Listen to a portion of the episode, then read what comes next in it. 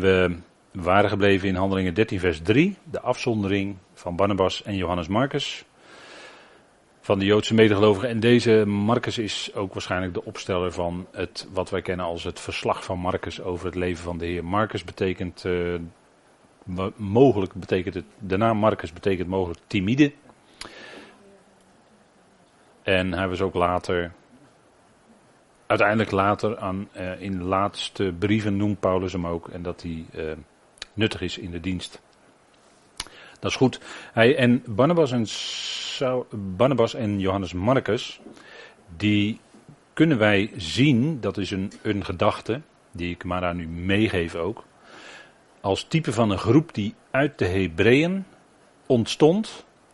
En die wel bleven bij het geloof. We zien dat Israël als volk, als geheel, ongeloof, uh, kwam ongeloof naar voren, verhardde zich, waren ongehoorzaam. En er was ook een kleine groep die wel bleven bij geloof, uit de Hebreeën. En die groep werd later samengevoegd met de gelovigen uit de natieën. En die twee groepen samen zijn dan het samenlichaam of gezamenlijk lichaam wat Paulus noemt in de Efezebrief. Dus je zou Barnabas en Johannes Marcus daarvan als beeld kunnen zien. Ik geef het u maar mee ter overweging.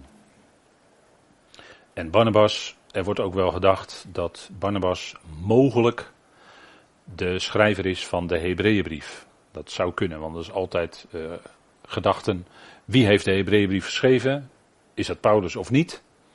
Maar het zou ook Barnabas kunnen zijn, omdat hij toch nauw met Paulus is omgegaan en die verdieping van de typen ook heeft meegekregen. Maar goed, ook dat is een gedachte, want het staat niet in de Hebreeënbrief zelf. Dan in uh, vers 4, vanaf vers 4 tot en met vers 7 zien we weer een stukje even eruit gelicht. Dus ze gaan naar Cyprus toe. En het start in Salamis in de synagoge. Johannes met Barnabas en Saulus beeld van een gelovige rest. Waar ik het net over had, die gelovige rest uit Israël. Bar Jezus bij de proconsul, type van het ongelovige volk, en een dienst voortgezet aan een uit de natieën. Dat zullen we gaan zien. Vers 4. Ze gaan scheep en varen af naar Cyprus. Zij dan, zij inderdaad dan uitgezonden door de Heilige Geest, kwamen naar beneden naar Seleucië en vandaar voeren zij weg naar Cyprus. Nou, dat naar beneden gaan, dat heeft te maken met het feit dat zij kwamen uit Antiochië. En dat lag hoger aan de rivier de Orontes. En in het landschap, dat lag hoger gelegen in het landschap. Dus zij moesten in het landschap als het ware afdalen richting de Middellandse Zee. En ze kwamen dan in Seleucië terecht. En de naam Seleucië die is vernoemd naar Seleucus, dat was een van de vier generaals die destijds Alexander de Grote opvolgden, wat ook in het boek Daniel vermeld wordt. Dat er één weggebroken wordt en er komen er vier voor in de plaats. En dan zitten we in Daniel 7, 8 denk ik. Daniel 7 of 8. Daar komen de vier voor in de plaats. Alexander de Grote is die snelle geitenbok, weet u wel, die nauwelijks de grond raakt, die heel snel alles veroverde. En als hoofdstad uh, had hij ook in zijn rijk, dat was ook een wereldrijk, Babylon was de hoofdstad, waar hij op 33-jarige leeftijd ineens stierf, werd afgebroken. En voor hem in de plaats kwamen vier generaals en dat was onder, onder andere, een van die vier was Seleucus en een van die vier was Antiochus. En daarvan krijg je dan een hele rij, want als je dat op gaat zoeken dan is het Seleucus 1 tot en met 6 en Antiochus zelfs 1 tot en met 13. Nou, Seleucus de eerste werd Nikator genoemd, dat is overwinnaar van het woord Nikao in het Grieks. En daar kennen wij ons woord Nike van. Ik mag geen reclame maken, dus ik zeg Nike. Maar dat betekent dus overwinnaar. En daar kreeg je zes van. En als je die hele lijst ziet van, uh, dat waren de oorlogen tussen de Ptolemeën en de Seleuciden. Ptolemeus was ook een van die vier generaals, dat werd later het Noordelijke Rijk. Die werd belangrijk en het Zuidelijke Rijk werd belangrijk en die twee hadden voortdurend conflict. En dat is uh, wat ook deels in Daniel 11 wordt beschreven, maar dat hebben we ook besproken met elkaar. En daar zie je ook Antiochus naar voren komen. De eerste was, die heette Soter. En Soter betekent redder. En van Antiochus had je er uiteindelijk dertien. En tussendoor had je dan ook Demetrius, die als vorst van het Zuidelijke Rijk optrad. En ook Alexander. En daar had je ook weer een aantal van. Dus dat is een hele lange lijst.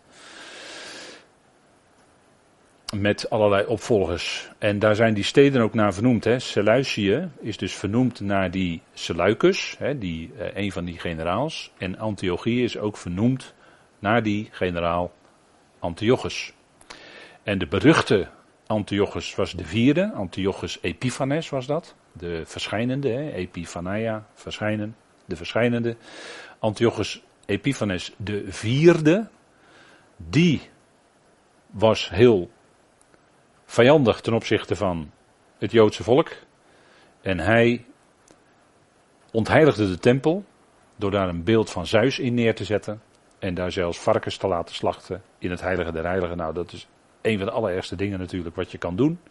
Als uh, provocatie tegen de Joden. Dat moet je niet doen. En hij deed dat. En uh, men ziet hem dan ook wel als een type of een voorafschaduwing van de antichrist. Wat hij deed. En men, sommige uitleggers die zeggen ook, dat zijn de uitleggers van de zogenaamde historische school. Die zeggen dat alles wat in Daniel geschreven staat is al gebeurd, er is geen toekomst meer. En die zien dan Antiochus Epiphanes IV als de verpersoonlijking van die vorst die komen zou, bijvoorbeeld uit Daniel 9. Daniel 9 vers 27 wordt gesproken over een vorst die nog komt. Die een volk heeft, hè, een vorst van een volk die nog komt. En um, men probeert dat weg te redeneren op verschillende manieren, maar dat is nog toekomst. er zit een. In de theologie wordt dat een beetje. Ja, wordt dat een soort. Uh, ja, uh, hoe noem je dat? Klooftheorie wordt dat genoemd. Maar dat is het niet, want in Daniel doet zich wel vaker het verschijnsel voor. dat er iets wordt gezegd en dan zit er 2000 jaar tussen, of zelfs nog langer. in één zin. De heer Jezus deed dat ook toen hij in de synagoge in uh, Nazareth was, meen ik, of Capernaum, een van de twee, in Lucas 4. Daar uh, las hij uit de boekrol Jezaja. En hij las dat nu het aangename jaar van Jahweh was aangebroken. En toen stopte hij met lezen. Dat was heel bewust. Want de rest van de zin was. En een dag der wraken van onze God. Dat las hij niet. Omdat dat nog toekomst moest zijn. Kijk, zo zit de profetie in elkaar. Er kan er dus in één zin in de profetie. Kan er dus 2000 jaar tussen zitten. Dat is, eh, dat is geen klooftheorie. Nee, dat is wat de Heer Jezus zelf doet daar in de shul in, in, daar in Israël. Hij stopt bewust met lezen en als iemand het wist, dan was hij het wel. Hoe het zat met die profetie en wat de toekomst zou zijn. Dus dat is gewoon wat uit de Bijbel zelf blijkt. Dat blijkt gewoon. En, en dat is ook zo met die beruchte, beruchte profetie van de 70 jaarweken. Ja, er zijn er 69 voorbij, maar die 70 moeten echt nog komen hoor. Die is echt nog niet voorbij. Dat is echt nog geen verleden tijd.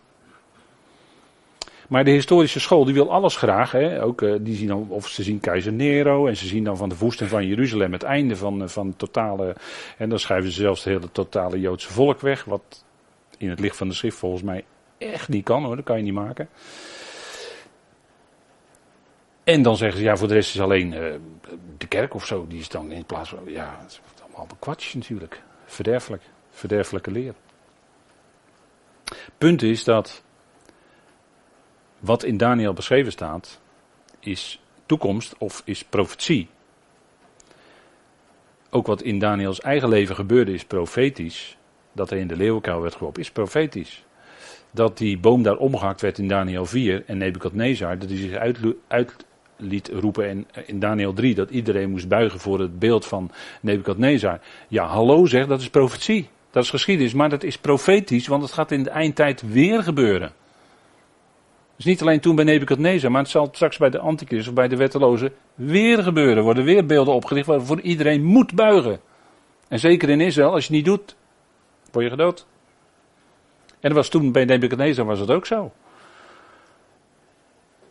Die geschiedenissen op zich, hè, dat is niet, niet alleen wat uitgesproken is, maar de geschiedenissen op zich in Daniel die uitgesproken zijn, die zijn op zichzelf ook profetisch. Natuurlijk zit daar een profetische lading in. Hallo, het is Gods woord waar we mee te maken hebben. En dat is altijd profetisch. En dat is natuurlijk ook wat hier gebeurde. Dit is natuurlijk geschiedenis en daarom is Daniel 11 ook heel moeilijk van wat is daar nou al in het verleden en wat, waar zet je nou de knip? Hè? Want er zit ergens een knip in Daniel 11. Wat is nog verleden en wat is nog toekomst? Ja, dat is heel moeilijk. Maar dit is zeker nog een deel van de toekomst. Want het eind van Daniel, die koning van het noorden, dat is in feite, kunnen we aanwijzen als de wetteloze. Of zo, u wilt, de antichrist. Als je het vanuit Israël, hè, vanuit Johannes benadert. Maar dat, gaat, dat is allemaal nog toekomst. Sommigen willen zelfs het hele boek Openbaring, dat het al gebeurd is na het verleden schrijven, de historische scholen. Maar denken dan dat openbaring nog toekomst is. Dat gaat allemaal nog gebeuren. Openbaring 13, wat denkt u ervan? Daar, gaan we, daar zetten we grote stappen hoor in onze maatschappij. Wereldwijd zetten we daar naartoe. Wat dacht je wat? Dat gaat allemaal nog gebeuren. Het is allemaal nog toekomst. En hier zien we dat eigenlijk ook deze geschiedenis. Zij varen naar Cyprus. En ze zijn dan later op Cyprus. Daar spreekt Paulus en Sergius Paulus die gelooft. En is dat niet een plaatje, dan loop ik een beetje vooruit. Maar is dat niet een plaatje van dat eilandje, want het is een eilandje, Cyprus, te midden van de zee. En is dat niet een plaatje dat de apostel Paulus later te midden van die volkeren, hè, want de zee is altijd een beeld van de volkeren in de schrift, dat de apostel Paulus te midden van die volkeren zijn woord spreekt. En dat mensen uit de volkeren ook tot geloof komen, uit alle volkeren, ook uit Israël. Je moet niet Israël en de natie tegen elkaar uitspelen zo van, uh, ja, toen was het alles voor Israël en later bij Paulus was alles voor de natie. Dan zeg ik nee, voor alle naties, inclusief Israël. Ook mensen uit Israël komen tot geloof en worden lid van het lichaam van Christus. Alle volkeren dus. Dat, dat is wat de enorme bediening van de apostel Paulus. En dan zie je dat als hij op Cyprus is, te midden van die zeeën, te midden van de Middellandse Zee, vind ik een heel mooi plaatje van dat Paulus, te midden van die volkeren, dat woord spreekt. Of via de brieven van Paulus, dat het woord uitgaat aan alle volkeren, aan iedereen die het maar hoorde wel, iedereen die geïnteresseerd is. Maakt niet uit wat je op je kerfstok hebt, dat is nou genade. Als je geroepen wordt. Saulus had erg veel op zijn kerfstok. Die werd geroepen en werd notabene apostel. Wat wil je daarvan zeggen? Hij vervolgde de gemeente van God. Veel erger kon je het niet maken. Hij zegt het zelf ook, ik ben de ergste van alle zondaren. En hij werd gered. Is dat niet een toonbeeld van de genade van deze tijd? Genade. Om niet. Het is gratis, helemaal voor niks. Cyprus betekent, we gaan even terug, want ze zijn aan het varen naar Cyprus en ze werden uitgezonden, nog een keer hè. Ze werden eerst afgezonderd door de Heilige Geest. En hier worden ze uitgezonden. Dus niet alleen gezonden, maar er staat ook het woord ek voor. Dus nog extra. Uitgezonden door de Heilige Geest. En dat woord heilige heeft natuurlijk, weet u, de notitie van apart gezet voor de dienst aan God. Daarom zijn wij ook, zoals we hier zitten, allemaal heiligen. Dat zijn niet omdat we heilige boontjes zijn, maar omdat we allemaal afgezonderd zijn, ieder op ons eigen plekje, voor de dienst aan God. Want dagelijks kun je je leden van je lichaam stellen ten dienste van God. Dat is toch Romeinen 12, vers 1 en 2. Dat, dat is onze leiturgos, hè, leiturgeo, als we daarover hebben. En dat is genade. Dat is genade. Cyprus betekent uh, ja, verschillende afleidingen, want het is altijd leuk als je je namenboeken gaat opzoeken, die namen. Dan kom je van alles tegen. Maar Cyprus kan betekenen koper. Dat is misschien ons woord koper wel van afgeleid. Zou kunnen. Koper werd uh, in de eredienst van Israël ook wel gebruikt. En, maar het kan ook, ben ik tegengekomen, wijzen op het woord kafar. Want dat zou je daar ook in kunnen lezen, eventueel. En dan heeft het natuurlijk te maken met het grote woord uit de eredienst van Israël. Beschermen, hè? we hebben het net weer gehad. Yom Kippur, grote verzoendag. En eigenlijk is het grote beschermdag. Hè? Met uh, daarna Sukkot, hè, loofhutten. Maar dat betekent, dat woord kafra betekent eigenlijk beschermen. Het is eigenlijk niet zozeer verzoenen, maar het is beschermen. Echte verzoening kon nog niet tot stand komen, want eerst moest de vervulling van alle offeranden, van de hele offerdienst nog komen. Dat was hij. En daarom zegt Paulus ook in Romeinen 3 dat hij het verzoendeksel is. Hè? God heeft hem gesteld tot een verzoendeksel door het geloof in zijn bloed. ging niet om het bloed wat allemaal gesprenkeld werd elk jaar één keer door de hoge priester op grote verzoendag. Ja, dat moest wel gebeuren. Maar dat moest gebeuren omdat het heen moest wijzen naar het bloed van degene die komen zou. En dat zou zijn tot werkelijke rechtvaardiging. Tot werkelijke nadering tot God. Hij is onze naderingsgave. God geeft zelf zijn naderingsgave. In tegenstelling tot vroeger, de Israëliet die zelf naderingsgave moest brengen. Korban.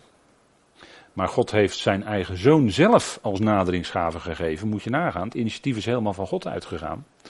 Hij heeft zijn zoon zelf als korban gegeven. Opdat wij dichtbij hem konden komen. Nee, opdat hij ons tot zich zou trekken.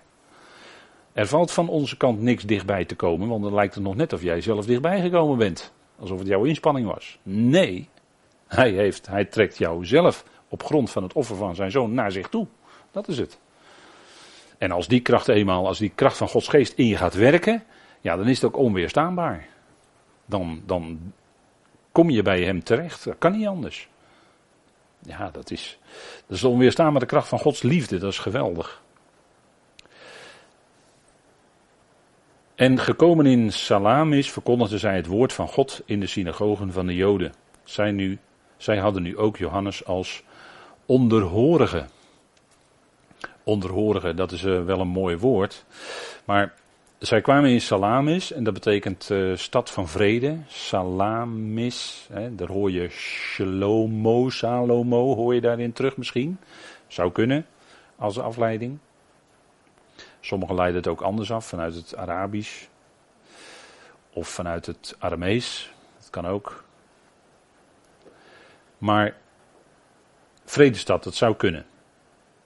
En dat is ook natuurlijk wat zij kwamen brengen met het woord van God. En dan komt er ook tegelijkertijd vrede. als dat woord zijn werk doet, dan komt er ook werkelijk vrede. En met werkelijk vredig samen zijn is ook altijd rondom het woord natuurlijk. Altijd. Dat, is, dat kan niet anders. Daar gaat vrede vanuit, daar gaat iets vanuit, van het woord. Hè. En daar word je allemaal blij van. Zij verkondigden het woord van God. Hè. De uitspraken, de gedachten van God worden neergelegd in hun midden. En ze kwamen met het woord van God in de synagogen van de Joden. Ze gingen, zoals de gewoonte was, in het kader van het evangelie van het koninkrijk, gingen zij naar de synagogen. En Saulus liet hen natuurlijk zien vanuit de nacht dat Jezus de Messias is, de beloofde Messias. De vervulling van Jesaja 53, de vervulling van Psalm 22, de vervulling van Genesis 1.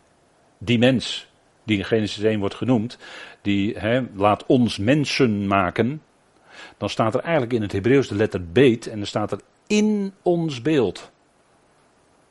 In ons beeld staat er dan. Niet naar ons beeld, want er wordt altijd vertaald. Maar er staat de letter beet en dat betekent in. Want beet is huis in het Grieks. En dat betekent in als voorzetsel. En dan staat er dan in Genesis 1 dat Adam werd geschapen in het beeld van God. En wie is het beeld van God? Christus. Christus. Er was al een beeld en naar dat beeld werd Adam geschapen. Hij was geschapen in het beeld van God.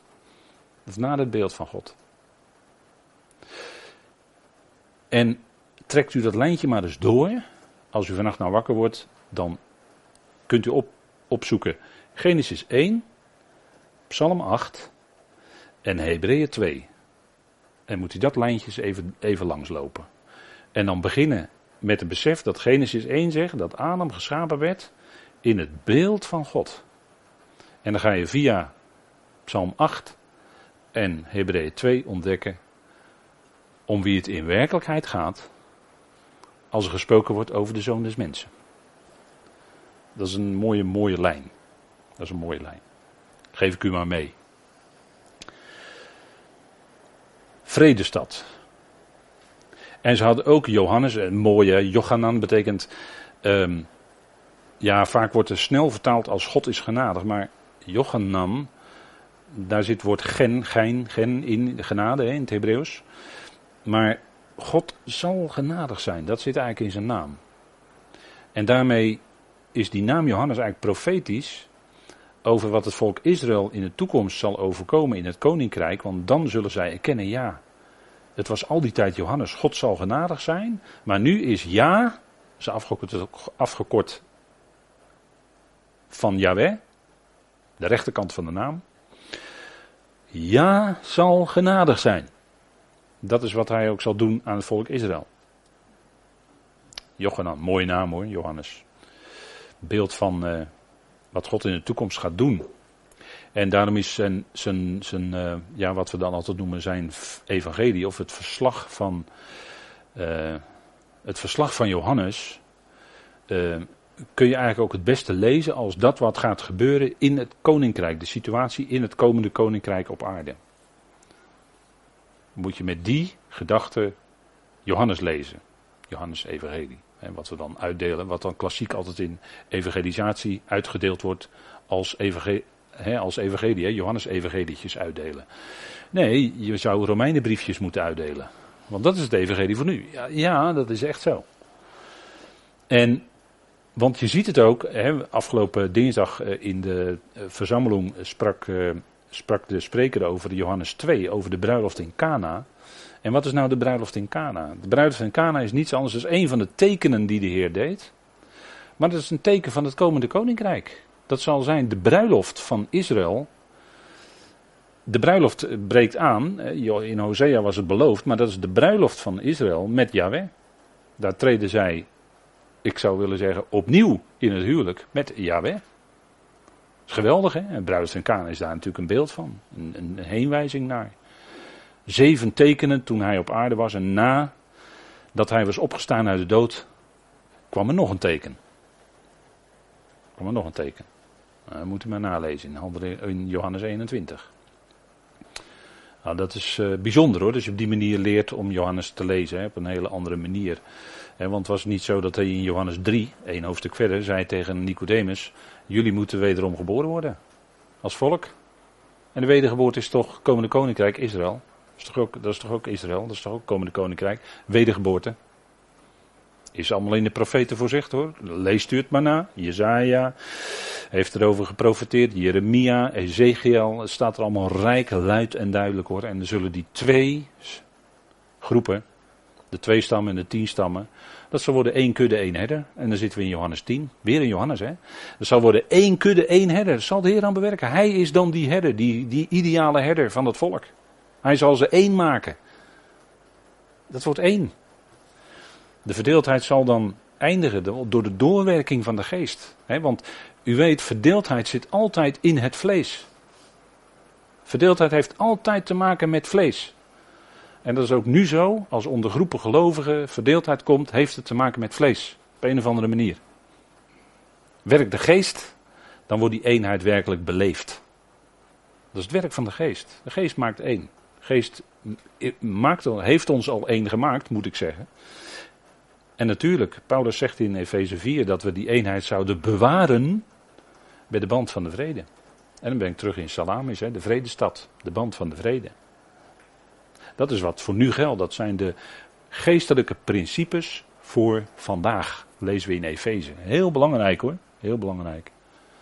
Maar daar waar het vlees prevaleert, daar komt vroeg of laat verdeeldheid. En onderhorige, dat, dat is letterlijk, dat is wel mooi. Dat is het woord onderroeier, heel letterlijk. Dat verwijst in een beeld naar de galeislaaf. Hè, die had je in die tijd. Die uh, zaten allemaal onder in het schip en die moesten roeien. En dan werd de maat aangegeven. En in die maat moesten ze dan roeien. Dus die, hadden, die geleislaven hadden natuurlijk helemaal niks te vertellen. Die moesten gewoon roeien. En zorgen dat het schip vooruit kwam. Dat is eigenlijk het beeld hè, wat hier gebruikt wordt. Een onderhorige. Johannes als onderhorige. Een hyperetes is dat in het Grieks. En dat beeld zit daarachter. En Paulus die gebruikt dat ook in 1 Korinthe 4 vers 1. En dat wil ik even met u lezen. 1 Korinthe 4, vers 1.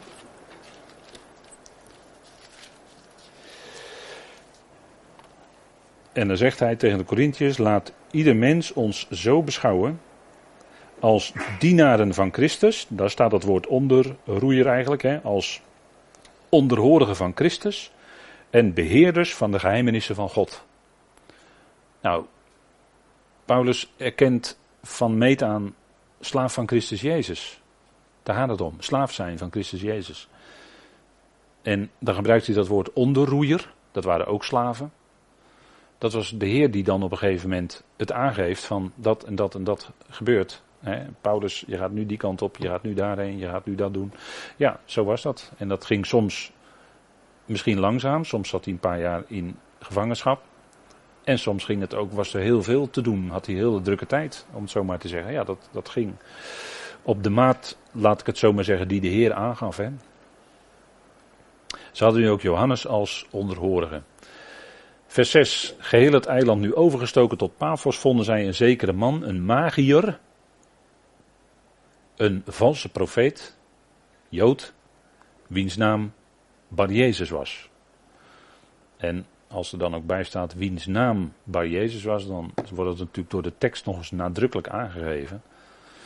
vanuit het Aramees is dan Bar is het woord voor zoon. Dus er was een zoon van Jezus en Jezus is de vergrieksing van Joshua, van Joshua. Dus hij was in principe de zoon van Joshua, zo werd hij genoemd. Maar het was een valse profeet.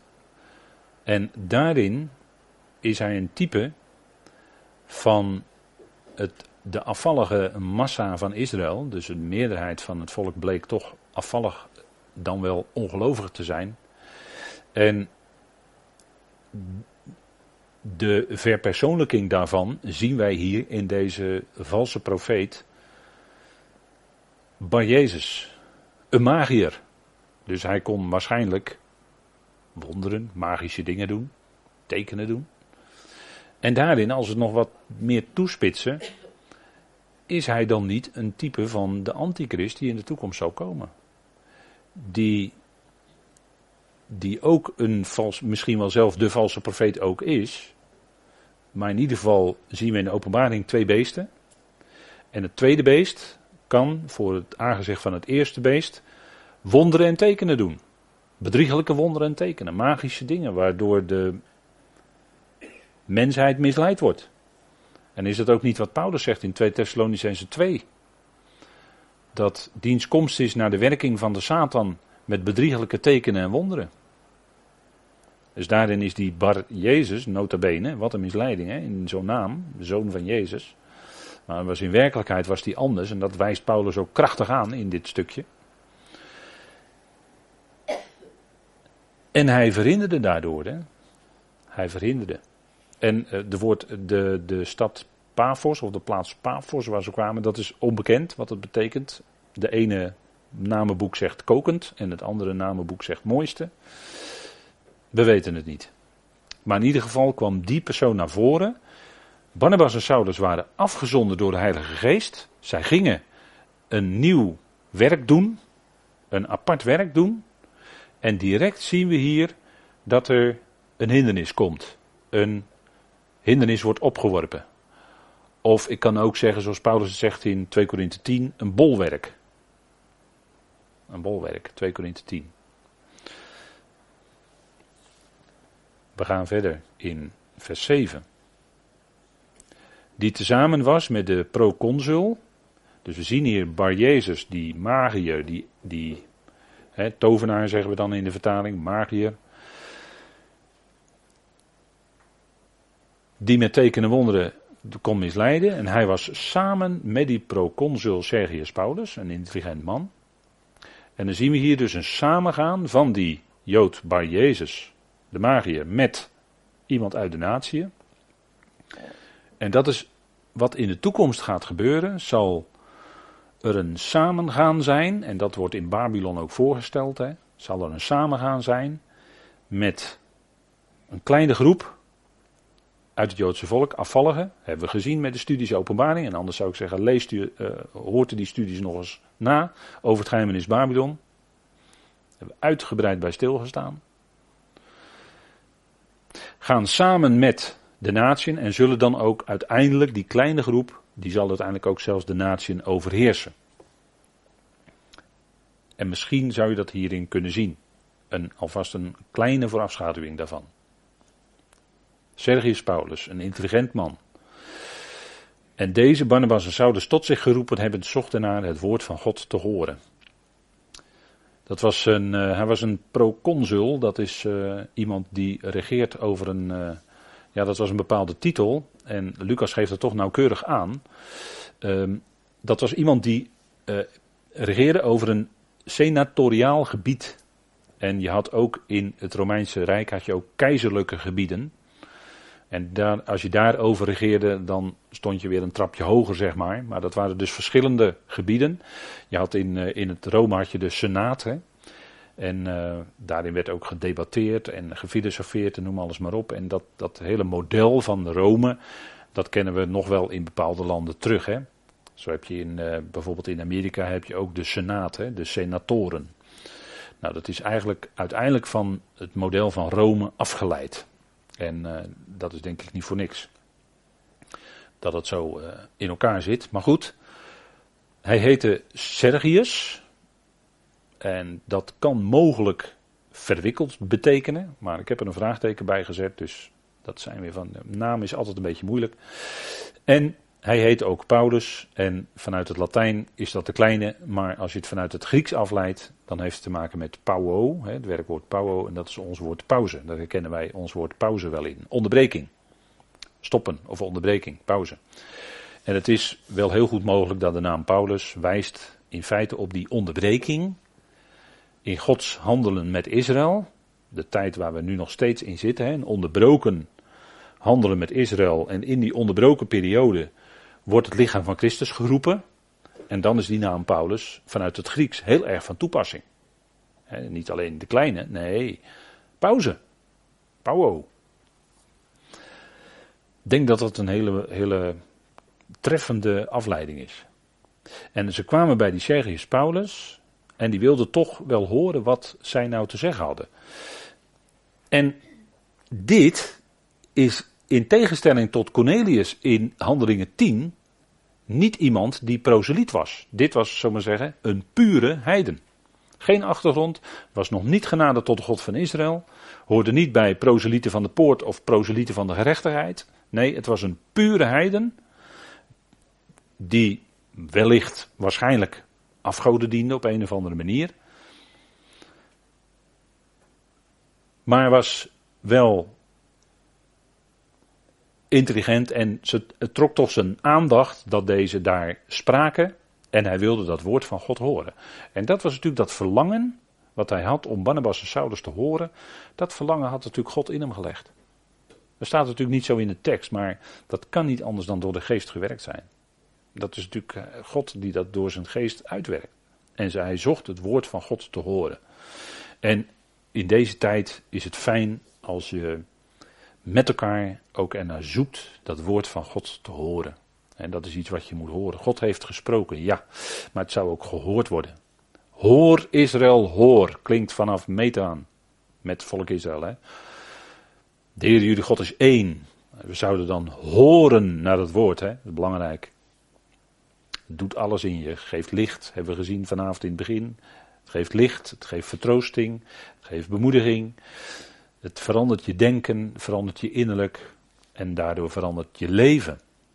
Geweldig, op een goede manier, je wordt op God gericht. En dat is het proces wat hier ook gebeurt.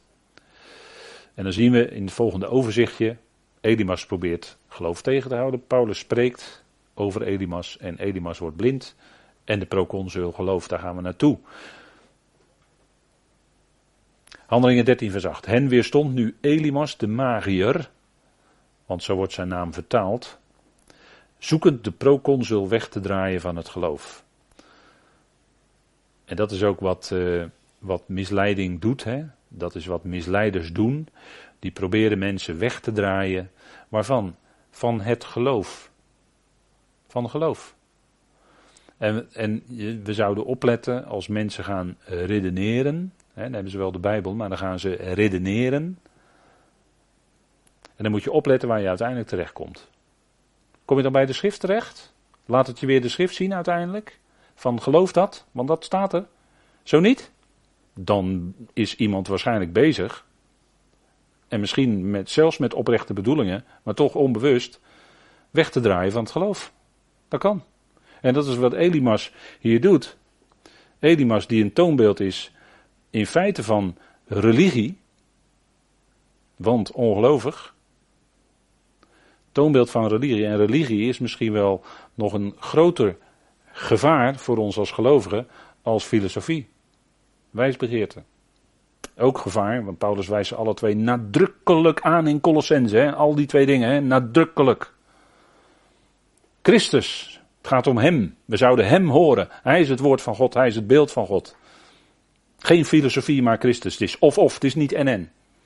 Geen religie, maar Christus. Paulus is heel pertinent hoor in Colossense 2. Lees het maar na. En wegdraaien van het geloof, daar is de tegenwerker altijd op uit. En dat is het oude liedje van Genesis 3. Wat deed de slang? Wilde Eva wegdraaien van het woord van God, dus ook van eventueel geloof. Altijd, daar is de slang altijd op uit, altijd het oude liedje. Kun je zo herkennen. Brengt het me naar het woord van God toe, zodat ik het lees en het kan geloven? Of leidt het mij van het woord van God af? Heel simpel hè. Het is het een of het ander. En dan kan je gewoon aan toetsen. Ja, dat is het. Het gaat er niet om of wij heel goed kunnen denken, of heel goed kunnen redeneren, of heel goed een fout uit iemands betoog kunnen halen, of wat dan ook, hè, wat in wetenschappelijke opleidingen allemaal geleerd wordt. Hè. Je moet iemand luisteren, als hij één foutje maakt, daar moet je op letten, weet je wel.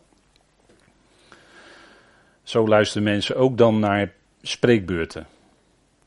En dat is gewoon niet de correcte manier om te luisteren.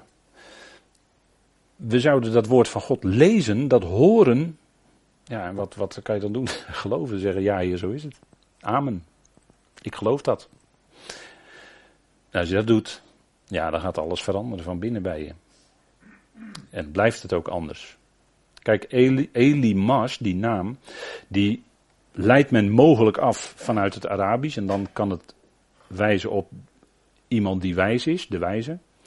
Of je zou het kunnen afleiden uit het Aramees alima. En dan zou het kunnen betekenen de machtige. Nou, hoe dan ook.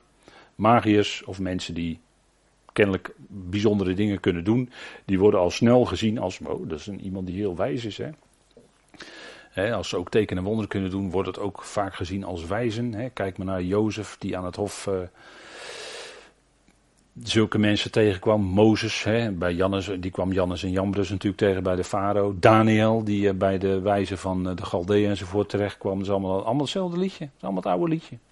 Allemaal naapen van de, de werkelijke wonderen die God doet. En zo mensen op het dwaalspoor brengen. En dan zie je niet anders Elimas de magier. En de heer Jezus had wel iets gezegd. In verband hiermee over. Want de magier. Daar heeft, dat heeft ook natuurlijk de kant. heeft natuurlijk ook een geestelijke kant die erachter zit. En daar heeft de heer Jezus iets profetisch over gezegd. In uh, Matthäus 12. Dat wil ik even met u lezen. Matthäus 12.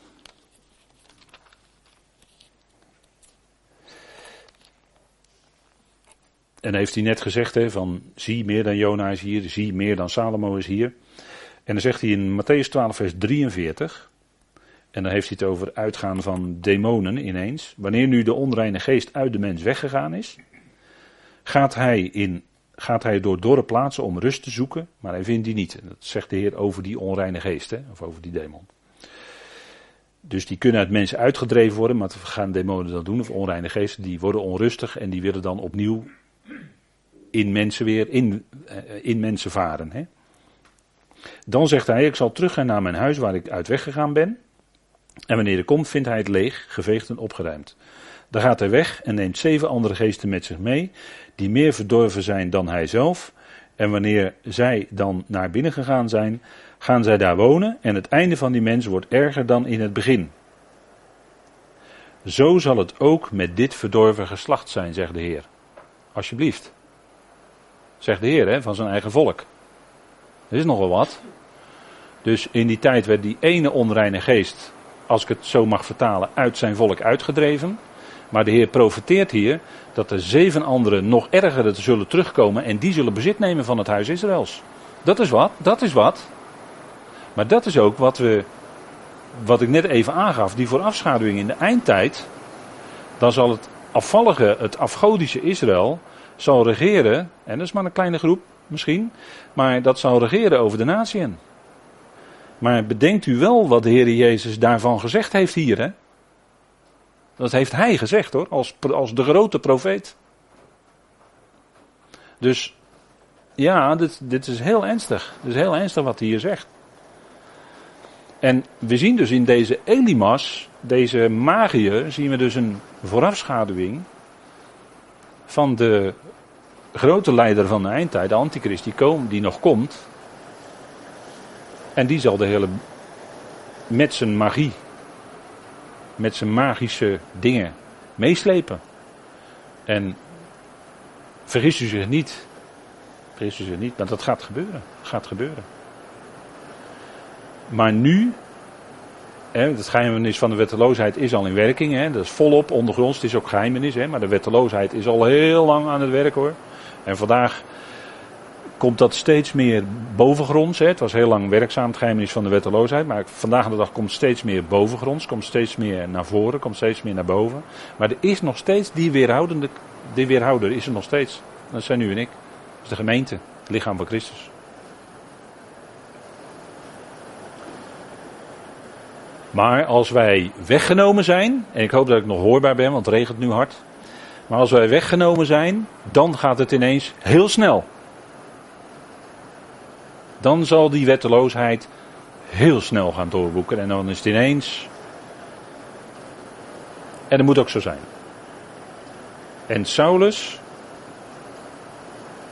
En hier zien we de verandering van de naam. Saulus, die ook Paulus heet, vervuld van Heilige Geest, keek hem strak aan en zei: O jij, vol van alle bedrog en van iedere bedriegerij, zoon van de tegenwerker, vijand van alle rechtvaardigheid, zal jij niet ophouden de rechte wegen van de Heer te verdraaien? Dus hier noemt Paulus ook dat woord wegdraaien, wat net al in de tekst naar voren kwam. En hier zien we de verandering van de naam Saulus naar Paulus. En dat gebeurt in deze geschiedenis als de eerste pure heidenen, en dat was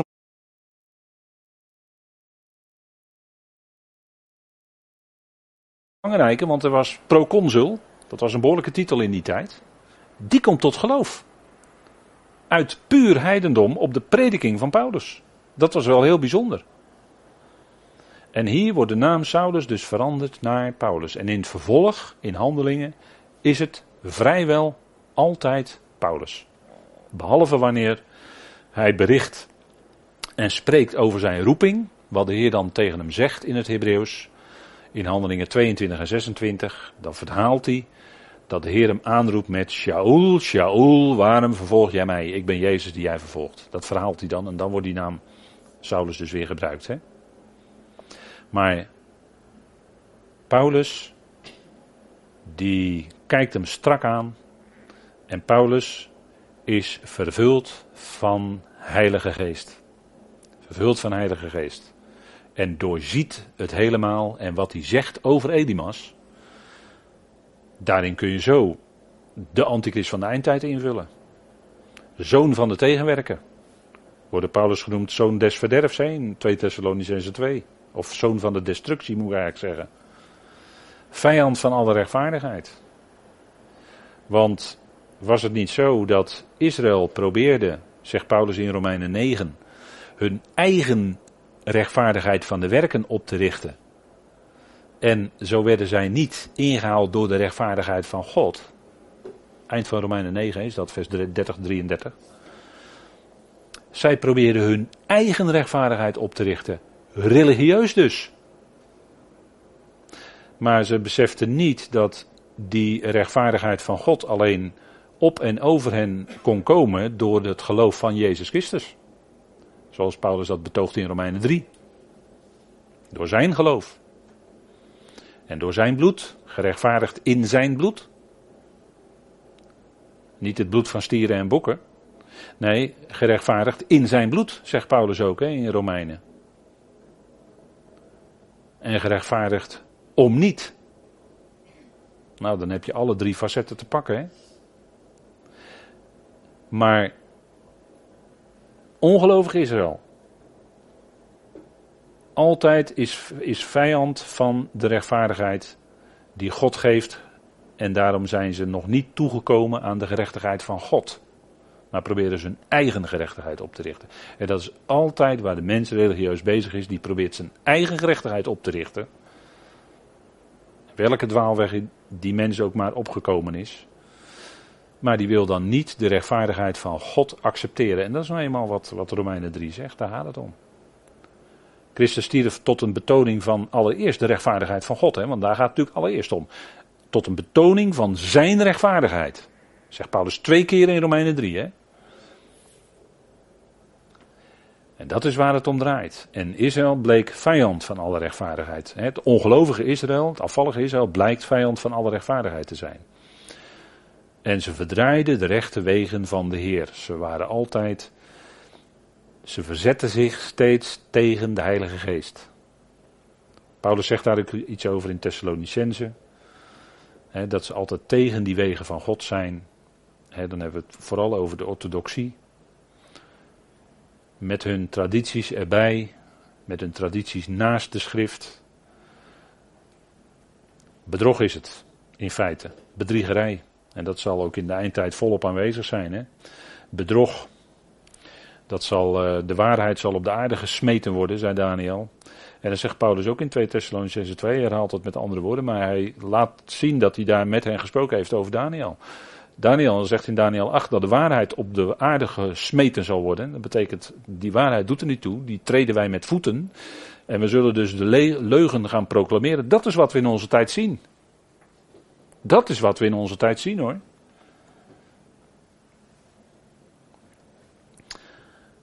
Een bedrog zo groot.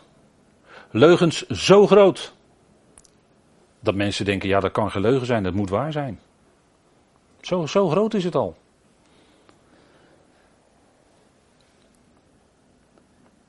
De rechte wegen van de Heer werden verdraaid. Elimas. Paulus vervol van Heilige Geest. Tegenover Elimas, waarvan hij zegt, vol van alle bedrog. Dus Elimas was met iets heel anders vol dan Heilige Geest. Nee, vol van bedrog, vol van leugen. Dus de geest van de tegenwerker. Zegt hij ook, zoon van de diabolos. De dooreenwerper. He, dat is de doorwerper, de dooreenwerper. Dat wil zeggen, dat is degene die heel graag een, een heel klein beetje waarheid vermengt, of de helft waarheid, en vermengt met de helft leugen. Wat heb je dan? Heb je niks, heb je leugen. Je moet vol, de, vol voor de waarheid gaan natuurlijk. Je kan niet, dat, niet een, een beetje leugen bijmengen, dat gaat niet. Want dan, dan, dan is alles leugen. Dan, wordt, dan is het zuurdesem. En u weet, u weet hè, uit de studies wat zuurdesem is. Hè? Dat uh, moet u maar nagaan, zuurdesem in de schrift. Dat heb je op allerlei manieren. De rechterwegen van de Heer werden verdraaid. Saulus wees het aan. En is het niet zo dat ook de brieven van Paulus, hè, die hebben we, en dat is heel fijn, 13 brieven van Paulus. Is het niet zo dat die brieven van Paulus exact aanwijzen wat ook voor nu de waarheid is? En wijk je daarvan af? Hè, wijk je van de brieven van Paulus af? Dan wijk je dus af van de waarheid voor vandaag. En dan kan je zeggen, de Bijbel zegt dit, de Bijbel zegt dat. Ja, zeker, zeker. Het is allemaal waar, maar wel voor de tijd waar het geschreven is. Dat is een heel belangrijk principe natuurlijk. Hè? De rechterwegen van de Heer verdraaien zouden we niet doen. Hè? En nu zie de hand van de Heer is tegen jou. Jij zal blind zijn en de zon niet bekijken tot de bestemde tijd. Het is precies een profetie over niet alleen Elimas, maar ook over Israël waarvan Paulus later in Romeinen 11 schrijft dat hun gegeven is door God, hè, dus Gods werk, een geest van verdoving, ogen om niet te zien en oren om niet te horen. Ja, dat zijn twee profetieën uit Jezaja, die u wel kent, maar dat is die bekende en er viel neven en duisternis over hem en rondgaan zocht hij met geleiders aan de hand. Was blind, zo is het volk Israël helaas als geheel verblind. Ze zijn verblind voor de Messias, voor hun Messias Jezus. Helaas, moeten we zeggen. Helaas. Helaas. Paulus had daar een enorm hartzeer over. Was voortdurend in gebed voor zijn volk. Maar dit is een profetie over niet alleen Elimas, maar over het hele volk. Hij was daar in beeld. En dan sluiten we af vanavond met geloof. De proconsul, toen waargenomen wat gebeurd was, geloofde de proconsul. Zich verwonderend over het onderwijs van de Heer. En dat doen wij ook, hè? het onderwijs van de Heer via Paulus. Daar verwonderen wij ons over. Daar zijn we blij mee en eh, elke keer weer sta je daar verbaasd over. Is het zo geweldig? Is het zoveel heerlijkheid? Is het zoveel genade? Hebben wij zo'n toekomst? Ja, daar kun je over verwonderen, want dat is, ja, dat vind je nergens anders. En, en de proconsul geloofde als eerste uit de natie, als pure heiden. Hij was geen proseliet. En hiermee, en dat zullen we ook zien aan het eind van Handelingen 14, hiermee ging een deur van het geloof van de natieën open. Hier pas, niet bij Cornelius. Dus dat moeten we goed in zijn verband zien, hè, steeds. Waar gaat het over? En hij verwonderde zich als een, iemand die zelfs een leidinggevende plek in de politiek had, te midden van de natie. Moet je nagaan. Goed, we zullen de Heer danken. Vader, we danken u voor deze avond die u ons gaf. We danken u dat we ons mogen verblijden over uw woord, over de kracht van uw genade, over de heerlijkheid van uw woord, wat zo duidelijk aanwijst, profetisch. En in alle geschiedenissen, Vader, zit toch op een of andere manier weer profetie besloten. Zo blijkt. En zien we dat uw woord een wonderlijke eenheid is. We danken u, Vader, dat u ons dat vergunt, dat we daarmee bezig mogen zijn. En Vader, dank u wel dat u ons elke keer weer roept. En we mogen horen, we kunnen horen, luisteren. Dank u voor de proconsul die tot geloof kwam. Op de prediking van Barnabas en Saulus. En dank u wel dat er een nieuwe tijd aanbrak. Een tijd zou aanbreken van onderbreking van uw heilshandelen met uw volk, vader. En de gemeente geroepen ging worden.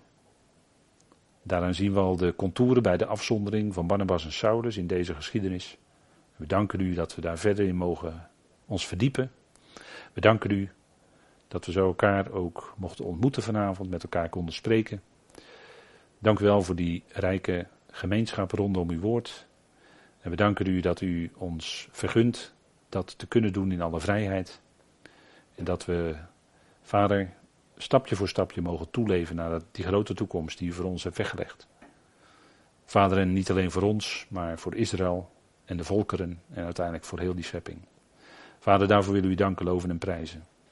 Voor uw grote kracht, voor uw heerlijkheid, voor uw liefde. En voor uw geliefde zoon. In wie wij de rechtvaardiging hebben ontvangen in zijn bloed. Om niet, door zijn geloof. Vader, wat een heerlijkheid. En we danken u daarvoor in die machtige naam van hem. Christus Jezus, onze Heer. Amen.